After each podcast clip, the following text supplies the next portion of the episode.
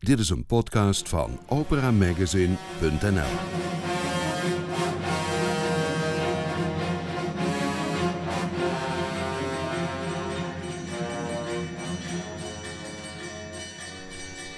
Welkom in Studio Nibelheim. Hier hoort u nieuws, achtergronden en interviews over opera en lied.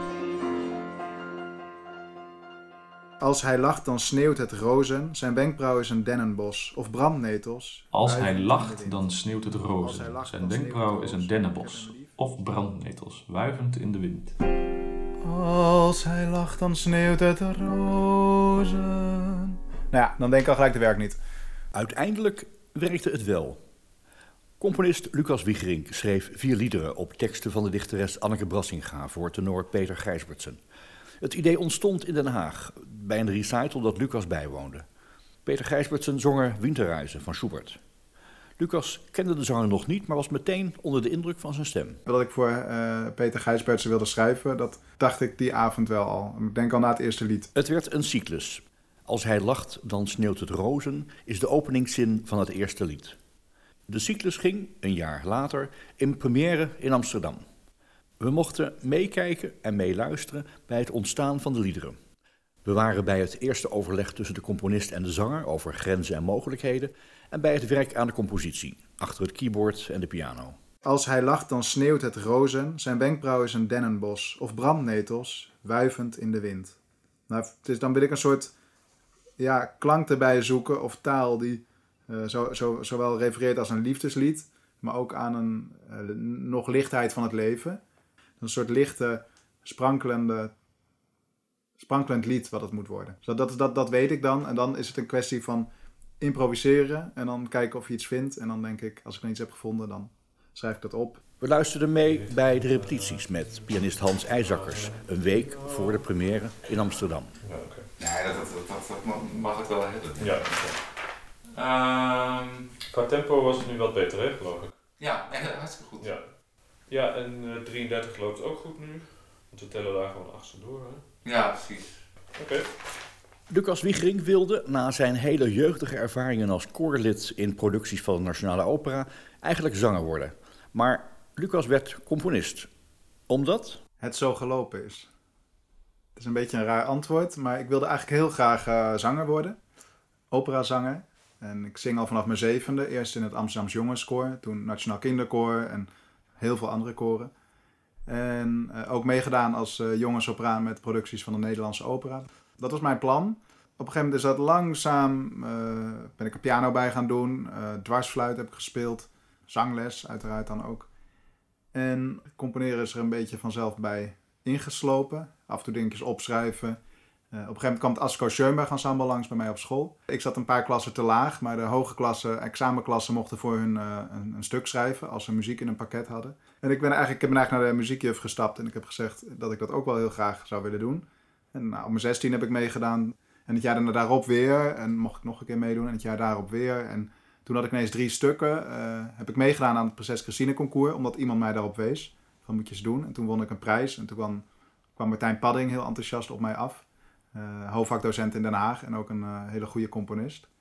En die zei, doe eens auditie in Den Haag. Toen dacht ik, hè, auditie? Waarom? Wa- wil ik dat? Eh, hoezo? En toen dacht ik, nou, als ik dat vast doe, dan sowieso is componeren ontzettend bijzonder en leuk om te doen, dacht ik toen. En dan heb ik vast theorielessen en dan kan ik vast de zangdocenten leren kennen.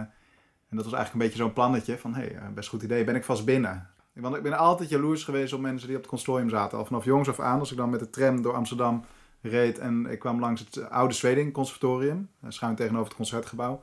Dan keek ik gewoon echt met verschrikkelijke jaloezie op iedereen die, naar, die daar in en uitstapte. Dat is echt al vanaf eh, ja, jongs af aan geweest. En ik dacht toen van, wauw, dit is wel als Martijn Padding mij uitnodigt voor een auditie, eh, dan, dan, ja, dan ben ik gek als ik dat niet doe. Ben ik vast binnen, dan begin ik misschien met componeren op de vooropleiding. En kan ik uiteindelijk zang gaan studeren. Maar goed, gaandeweg vond ik componeren gewoon steeds leuker worden. En, en kreeg ik eh, ook steeds minder met zingen hartstikke leuk. Dat werd steeds minder belangrijk eigenlijk. Omdat componeren beter ging lopen, daar was ik ook succesvoller in, moet ik zeggen. En, en, en met zang ging het allemaal moeizaam. Eh, ja, ging, ging langzaam vooruit. En, en het werkt alleen maar als je gewoon echt aan de top zit. En ik dacht op een gegeven moment, ja, dat gaat mij niet lukken. En het is dus een combinatie geweest van eh, componeren steeds leuker en bijzonderder gaan vinden en het zang steeds minder belangrijk gaan vinden, dat ik uiteindelijk ja, compositie ben gaan studeren.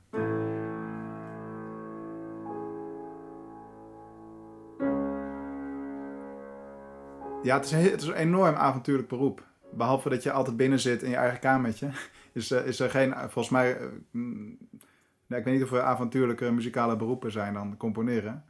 Ik bedoel, niet dat je heel veel reist of zo en eindeloos veel mensen tegenkomt, maar dat je zelf allemaal dingen uit mag vogelen en eh, vanuit, iets, eh, vanuit het helemaal niets iets mag creëren of kan creëren. En dat er aan het eind van de dag ineens iets is, eh, dat, dat maakt het heel bijzonder.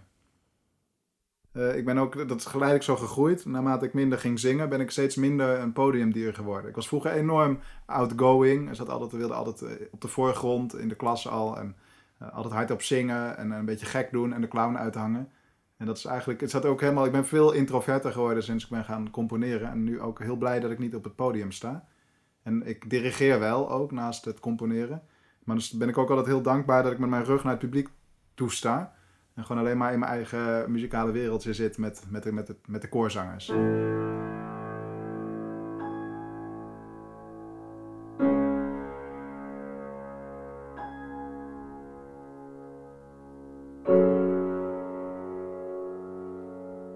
ben begonnen in, op het conservatorium in Den Haag. En die is natuurlijk beroemd om de Haagse stijl. Waar, eh, ehm, ja, waar de school van Louis Andriessen. Nou, dat is een vrij, ja, ja, het zijn, zijn vrij vaak wrange akkoorden, ritmische blokken. eh, eh, de- deels geïnspireerd op minimal music uit Amerika, maar dan veel rauwer. En toen ik daar componeerde, is dat langzaam, niet dat ik echt heel Haags componeerde, maar het is wel een groot onderdeel van mijn muziek geworden. En dat was ook de reden dat ik dacht, ik moet een keer ook naar een andere plek. Dus ben ik naar Amsterdam gegaan, het conservatorium, waar, het, waar eh, de Haagse stijl nou ja, eigenlijk geen rol speelt. En daar, daar is het weer wat zachter geworden misschien. En toen ben ik naar Amerika gegaan. Heb ik zes maanden in New York gewoond. En dat heeft mij ook weer, eh, eh, heeft mij ook weer beïnvloed. Dus, dus ik heb nu veel meer, eh, ja, je kan wel zeggen, ook Amerikaanse invloeden in mijn muziek. En wat dan precies de stijl is, vind ik heel lastig te zeggen.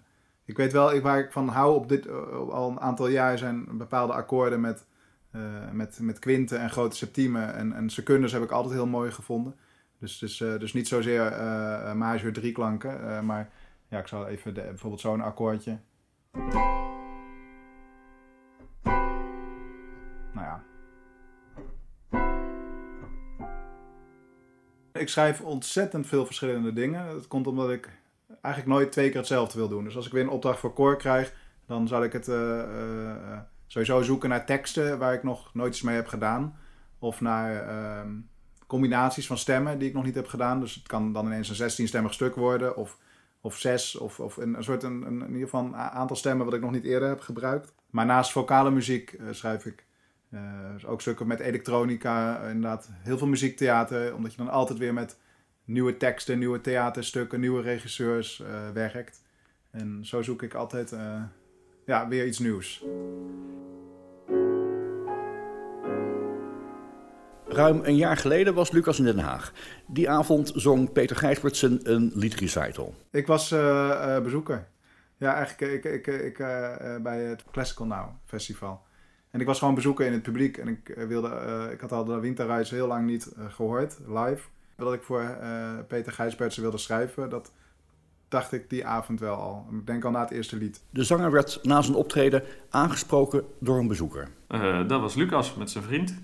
En we waren een beetje aan het kletsen. En ik weet niet... Ja, hij zei natuurlijk dat hij componist was. En eh, toen zei ik, oh, heb jij wel eens wat voor een tenor gezongen? Want ik vind het altijd wel leuk om, eh, om ook wat nieuwe muziek te bekijken.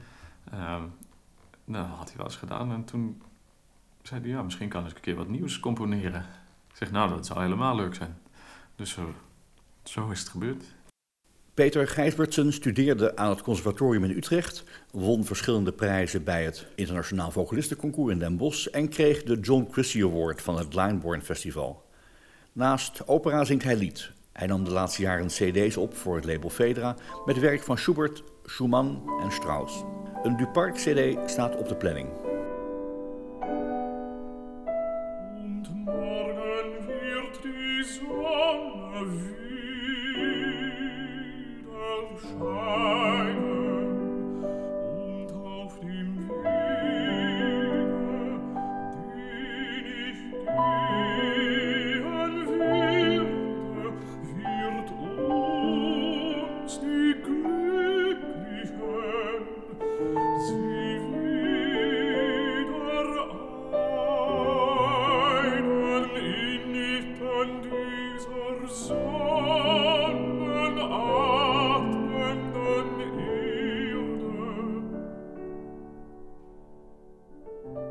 Vind bij Strauss is het natuurlijk eh, heel erg cliché Morgen. En dan, eh, die pak ik er ook altijd bij, Hochzeitlich Lied. Vind ik ook heel mooi. Eh, bij Schubert werkt het bijna altijd heel goed. Maar een vondst vond ik um, Liebeshymnus. Vond ik heel mooi. En als ik naar de park ga, La Vie Antérieure is natuurlijk wel echt fantastisch.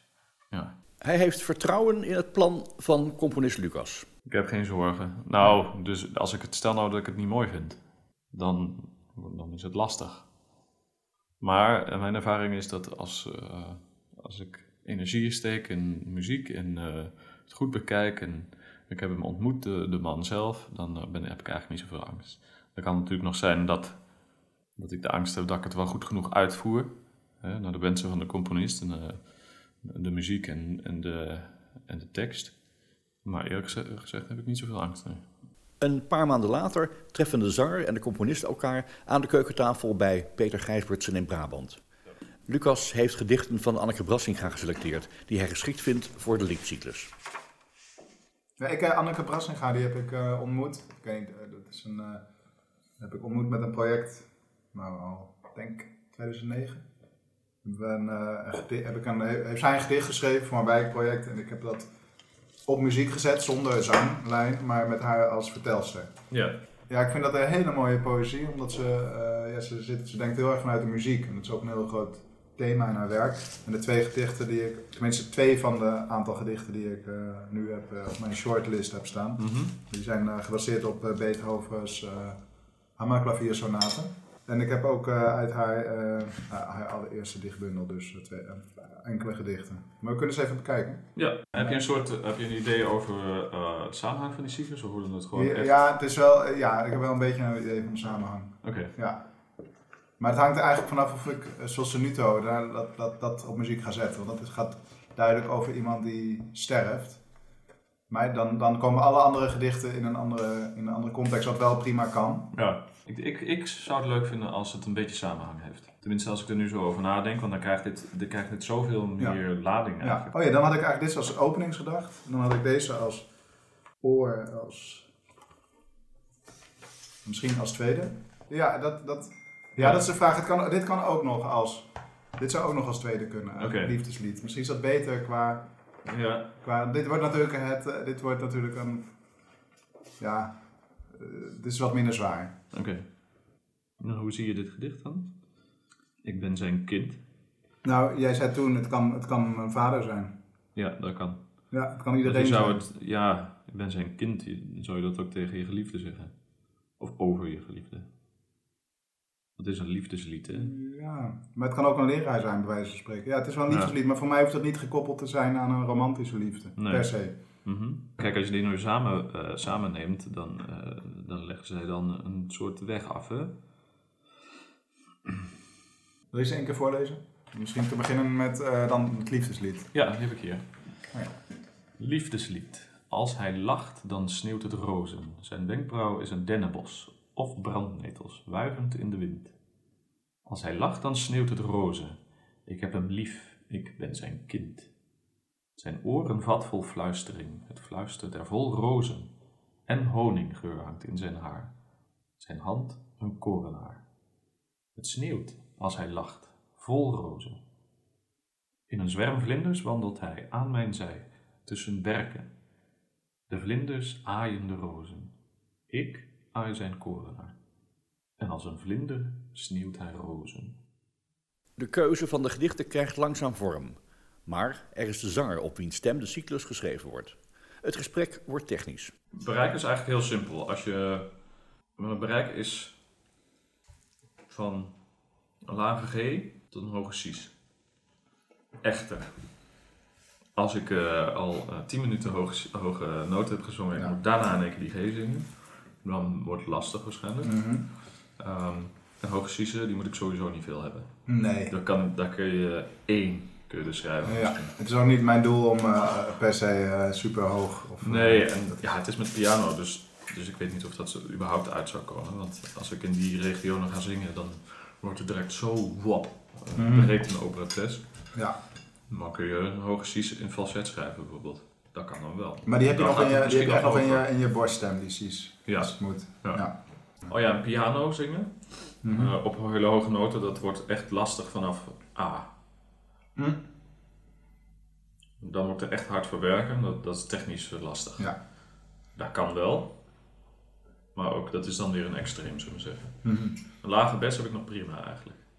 Tenzij de begeleiding te sterk is, dan, Ja. dan komt Maar je bedoelt de lage eh, gewoon eh, voor eigenlijk je kan tot G en de best is eigenlijk altijd wel. Ja, die is, die is Paraat. bruikbaar. Ja.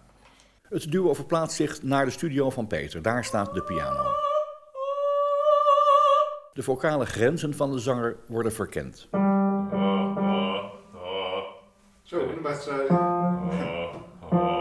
Maar deze, die is met veel inzingen en, rip- en gewoon zingen, is die wel een beetje wel weg. Ja. ja. Ja, mag ik echt tot slot alleen dan eventjes dat je een zin eh het improviseert? Even in het Nederlands. ben ik benieuwd.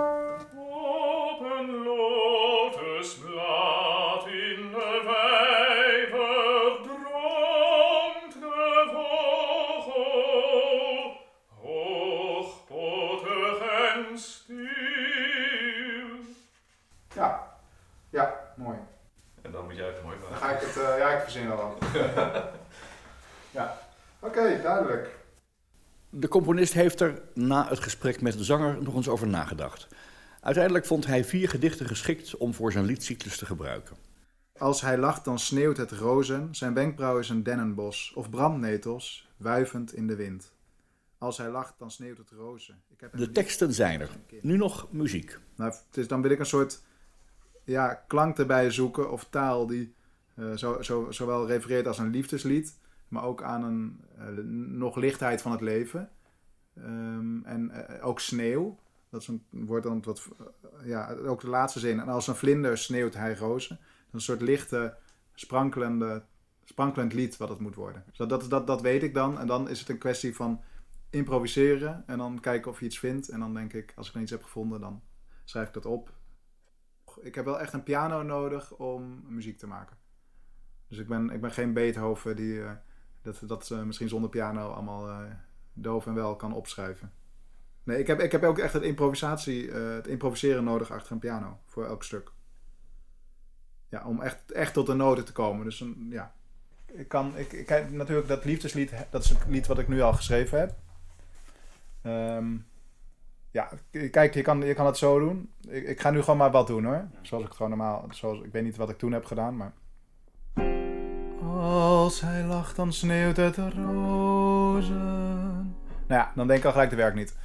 Maar dit is gewoon een soort... eh, eh, ehm, zo ben ik wel aan het, aan het zingen en aan het piano spelen. En uiteindelijk dan denk ik, het moet wat sneller. Dan denk ik van, zal het misschien gebroken akkoorden, helpt dat? Als hij lacht, dan sneeuwt het rozen. Je hoort trouwens het geklikt van mijn pedaal. Ik eh, componeer aan een elektrisch eh, keyboard. Dat is om de buren enigszins te ontlasten. Want het is natuurlijk heel irritant als je op een, in een, een eh, oud huis de hele dag gepingel hoort, hoort achter een piano. Dus ik ga wel later naar beneden om het achter de echte piano dan te testen. Wat ik dan hier heb bedacht. Ehm, maar dat, is, dat, dat heeft een reden. Ja, liefst zou ik achter een mooie piano componeren. Maar dat, ja, je moet ook rekening houden met anderen. ik ben uiteindelijk hierop uitgekomen in dit geval. Een soort eh, snelle, snelle trillers. Als een soort sneeuw. Zo begint het dan. Het is een soort licht, eh, lichtheid in de muziek. Vrij romantisch. Maar het is ook een liefdeslied. En daar wil ik eigenlijk dan in dit geval niet, niet tegen ingaan. Of een extra eh, laag toevoegen van is het wel een liefdeslied. Nee, het is, de, de- die tekst is gewoon een en al liefde. Ehm, zodra je dit eerste begin hebt, ligt op een bepaalde manier het hele stuk al vast. Niet in je hoofd, want je weet het nog niet. Maar een soort puzzel die zich ontvouwt. Daarom is die eerste maat de allerbelangrijkste maat. Want je kan eigenlijk niet meer, tenminste dat zo, voelt het voor mij. Als die eerste maat er is, dan volgt de tweede op een logische manier. De derde maat, de vierde maat. En, en, het kan niet op een andere manier dan op die manier.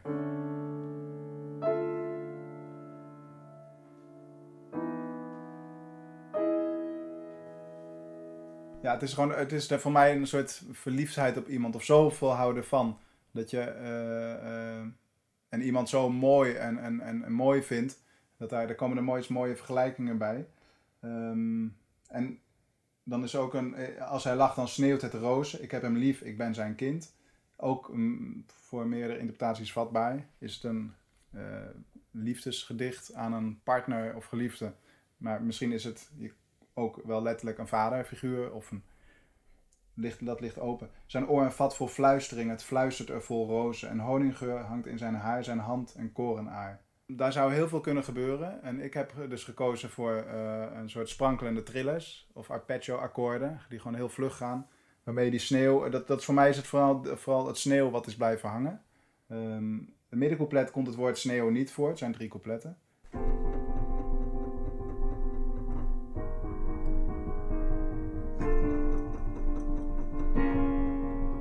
Heel zachtjes. Uh, dan kies ik ervoor om de fluistering naar, naar voren te halen. Maar ik, het, is een soort. Het is een, kijk, de tekst doet natuurlijk ook al heel veel. Hè? Dus dat hoef je als, volgens mij als componist helemaal niet te doen. Dat je, dat je, dat je per, uh, ja, per zin gaat nadenken. Elke zin is belangrijk, maar je hoeft niet per zin dat te gaan, muzikaal te gaan uitbeelden. Simpele akkoorden, vaak maar vier vaak maar vier noten. Uh, omdat het ook een. Het is, het is, niet. Het is ook niet meer dan dat voor mij. Het is gewoon een. Uh, het is, gaat een beetje naar de essentie van liefhebben. Maar ik kies er dus voor heel simpel voor het eerste en het derde strofe. Dus de sneeuw uh, de, en, en, de liefde, die twee dingen een klank te geven. En in het middelste couplet meer de, de fluistering.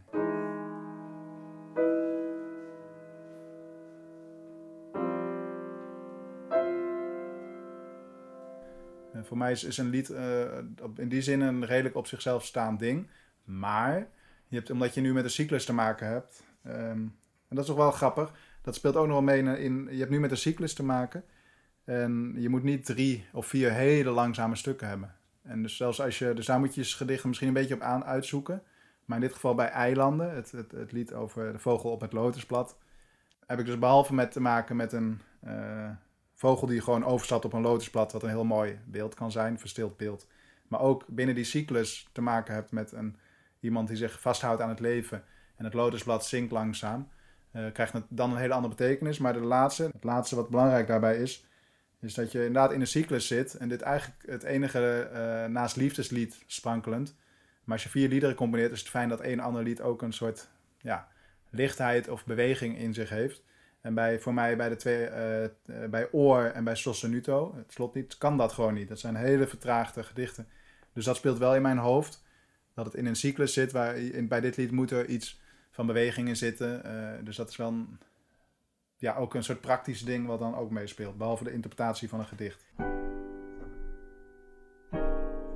Dat soort, dat, dat past wel bij de tekst, zou prima kunnen, maar je wilt nog ergens... Kijk, op, wat, wat is tekst? Op een lotusblad in de vijver droomt de vogel, hoogpotig en stil. Het kan wel, alleen uh, in, in het kader van die drie liederen wil je dat liever, vier liederen, en vooral uh, dat, waar, waarvan je weet dat de andere twee traag zijn, wil je dat niet. Kortom, je gaat op zoek naar een andere een beeld en dan kijken heb ik, het zat daar eens kijken. Ik, heb ik uiteindelijk ben ik hier een beetje op uit, uit, uitgekomen dat je een soort speelt ietsje langzamer dan het eigenlijk moet, maar.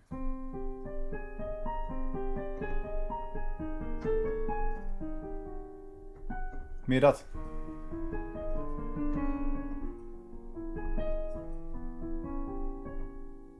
Dat vind ik dan een mooi, mooi, mooi dromerig beeld waarbij het wel beweegt. Waar je voor mij dan de, ja, zowel de droom uh, vangt als een, uh, qua akkoorden uh, voor mij niet zozeer, niet alleen romantisch zijn, maar die ook wel passen bij een beeld van iemand die aan het leven vast wil houden.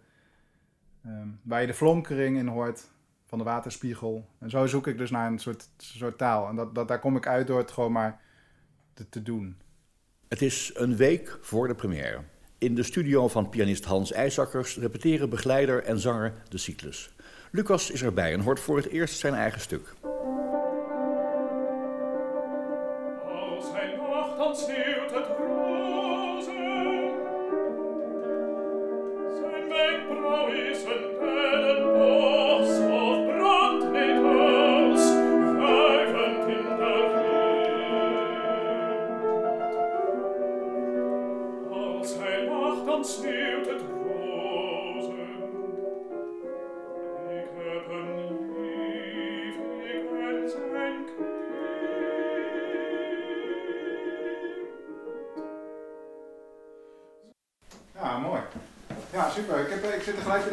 Mij moet het begin. Zet, met, zet ik met zo'n piano eh, Ja, eh, opgeschreven, maar voor mij mag het wel piano. Oké. Ja, want ik zie nu ineens qua opbouw van het stuk. Eh, en dan eh, pas vanaf zijn oor eerder. Ja, nee, dat is ook wel goed. Laat maar piano. Nee, dat, ik denk dat het wel is qua opbouw. Dat het wel beter is. Ja. Hans, kan jij eens even proberen? De, de triller is een beetje dromerig. Ja. Voor mij mag hij iets, iets energieker. Iets, eh, iets, iets meer eh, echt ritmisch zoals die er staat, zeg maar. Of- Nou ja, de- ja probeer het eens.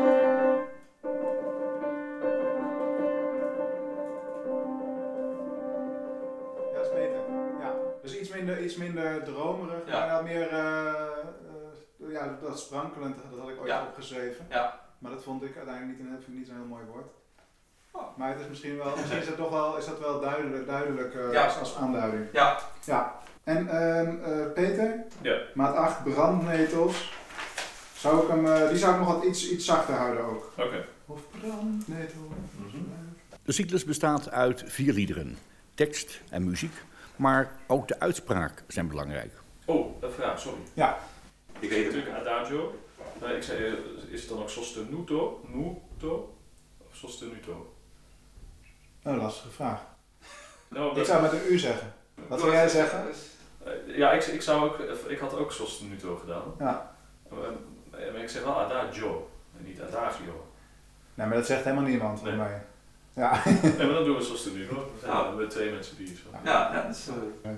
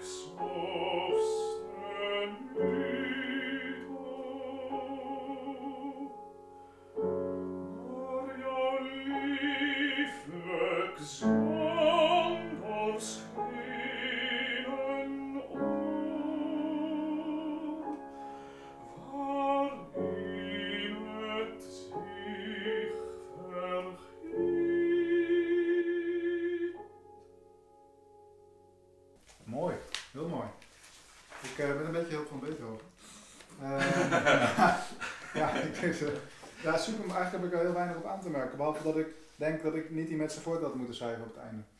Ja. Ja, dat is het enige wat ik om, dat, dat heb ik om mezelf aan te merken. Dus hou dat maar lekker eh, eerder zachter nog, als een soort echo. Dat was het. En dan is het zover. Een select gezelschap is bijeengekomen in een Amsterdamse salon op de Herengracht. Eh, Pianist Hans IJzakkers en tenor Peter Gijsbertsen zijn voorbereid. Lucas spreekt het publiek even Een toe. hele grote rol. Dus in het eerste gedicht is wat het is een liefdeslied. Niet meer en niet minder. Maar er worden wel ontzettend mooie beelden uit de natuur opgeroepen. Het tweede gedicht, Oor, is een eh, gedicht waarin ja, eigenlijk een naderend verdriet, of een onvermijdelijk verdriet wordt aangekondigd. Eh, Het derde eh, lied is een Eilanden. Dat gaat over een vogel die in een op een lotusblad in de vijver staat en langzaam zakt het lo- lotusblad, wordt verdrongen door het water en de vogel stapt over. En het is weer zoals het was. Het laatste lied, Sostenuto, dacht ik eerst heel lang eh, dat het over de dood ging. Eh, maar ik denk maar later dat het eigenlijk over het laatste stuk van het leven gaat. En ik heb gewoon geprobeerd een, een, een cyclus te maken van slechts vier liederen en wellicht later meer. Eh, eh, maar die een, die een geheel vormen van liefde naar, eh, naar verdriet naar het laatste stukje, in dit geval het doorstaan. Dank u wel. Als hij lacht, dan sneeuwt het rozen.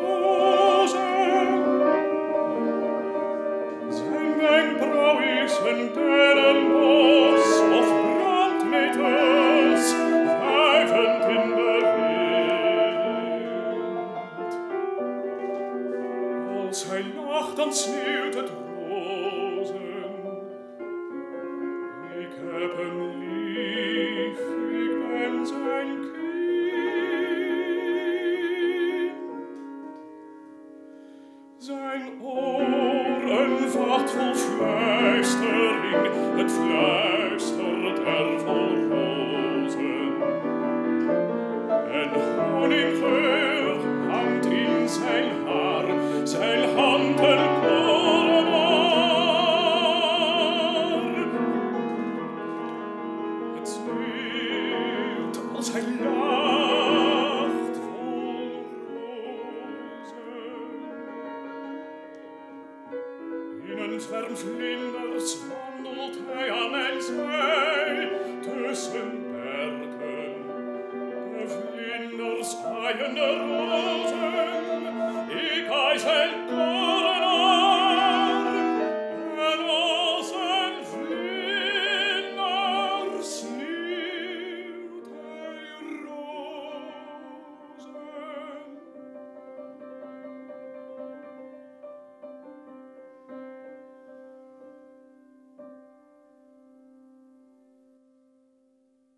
Dit was Studio Nibelheim, een podcast van operamagazine.nl.